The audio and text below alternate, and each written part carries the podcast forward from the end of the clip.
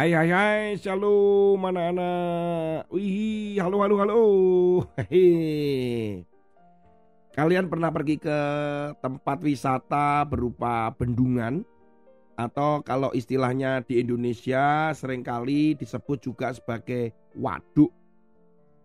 Waduk atau bendungan itu tempat penampungan air. Biasanya sangat banyak air di situ seperti danau jadinya. Itu pokoknya. Nah, itu fungsinya untuk apa ya Kak Tony? Ternyata fungsinya itu juga menjadi tempat cadangan air kalau musim kemarau tidak perlu mengalami kekeringan kota atau desa di sekitarnya.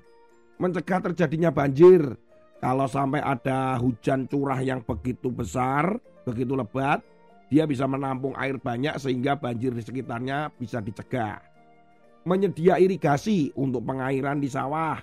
Juga bisa menjadi sumber energi listrik sebagai pembangkit tenaga listrik tapi tenaganya tenaga air begitu.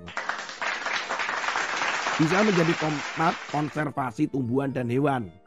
Menjadi sebuah ya tempat hewan dan tumbuhan bisa tumbuh di situ dan dilindungi. Menjadi sarana olahraga, tempat wisata, juga untuk menjadi sumber daya hayati atau sumber alam lah begitu. Nah, bendungan yang terbesar di Indonesia tadi sudah Kak Tony sebutkan yaitu Bendungan Jatiluhur. Bendungan atau waduk ini berada di 100 km arah tenggara dari Jakarta dan dibangun tahun 1957 dan mampu menampung air tuh jumlahnya banyak sekali bisa mengaliri persawahan hingga 242 ribu hektar. Sementara bendungan yang terbesar di dunia, coba siapa yang bisa tebak? Ternyata bendungan yang paling besar di dunia adalah bendungan Karibia. Bendungan ini terletak di Zimbabwe, Afrika dengan panjang 628 meter dengan tinggi mencapai 128 meter. Bendungan atau waduk Karibia ini bisa menampung air sebanyak 185 miliar meter kubik. Wah, wah, gede bingit gitu ya. Nah, tapi bisa bayangkan nggak kalau air itu tiba-tiba tumpah ke bawah karena bendungannya itu rusak atau roboh. Pasti mencelakai banyak orang di sekitar itu binatang manusia rumah pasti hancur. Memang terjadi pernah peristiwa itu anak-anak. Kak Tony mencatat peristiwa itu yaitu terjadinya bendungan di Cina yang jebol saat itu. Terjadi pada tahun 1786 yaitu bendungan Sungai Dadu atau Tatu yang terletak di Sichuan di Cina sana. Saat itu jebol longsor karena sebuah banjir yang besar. Bayangin air yang tertumpah itu sampai membanjiri 1400 kilometer ke hilir anak-anak. Wih, wih, wih, wih. Dan dampaknya ada 100 ribu jiwa yang meninggal dunia. Itu belum termasuk rumah-rumah yang rusak loh anak-anak. Waduh betapa mengerikan sekali anak-anak kalau sampai terjadi jebolnya bendungan atau rusaknya bendungan itu. Bisa merusak yang lain. Bahkan juga ada bendungan-bendungan yang bisa sampai menenggelamkan kota loh anak-anak. Karena memang airnya itu melimpah, terjadi banjir. Dan tidak ada kesempatan orang menyelamatkan diri.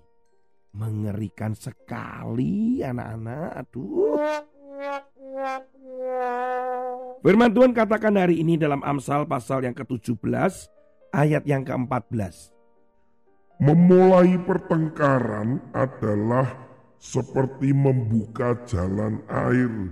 Jadi undurlah sebelum perbantahan itu mulai. Maksudnya itu begini anak-anak. Kalau terjadi pertengkaran, maka itu seperti kita tuh membuka keran air, air itu akan mengalir dengan deras. Kalau kita membuka pertengkaran dengan orang lain, sama seperti temboknya waduk atau temboknya dam atau bendungan itu jebol anak-anak dan airnya bisa mengalir dengan deras. Artinya ada celaka, kebinasaan, ada kesusahan. Jadi kalau kalian sedang bersama dengan temanmu berbeda pendapat atau kamu mengalami konflik atau masalah, jangan bertengkar atau berkelahi atau membenci. Apabila itu kamu lakukan, maka kalian akan punya musuh, musuh, musuh, musuh. Dan itu sebenarnya mencelakai kita. Seperti air yang terjun bebas yang membanjiri kota dan menenggelamkan kota dan manusia dari sebuah bendungan yang jebol itu tadi. Firman Tuhan hari ini oleh Amsal diingatkan. Jadi mundurlah. Mundur itu mengalah. Mengalah bukan berarti kalah.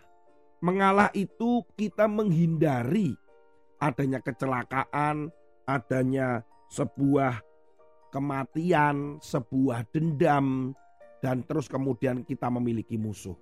Jadi, sebelum terjadi pertengkaran, mundur saja. Mundur bukan berarti lemah dan kalah, malah itu menunjukkan kita sabar Pernah dikatakan orang yang sabar itu seperti orang yang bisa mengalahkan sebuah kota. Jadi mundur itu artinya kita sabar. Tuhan Yesus memberkati. Sampai ketemu pada episode yang lain. Haleluya. Amin.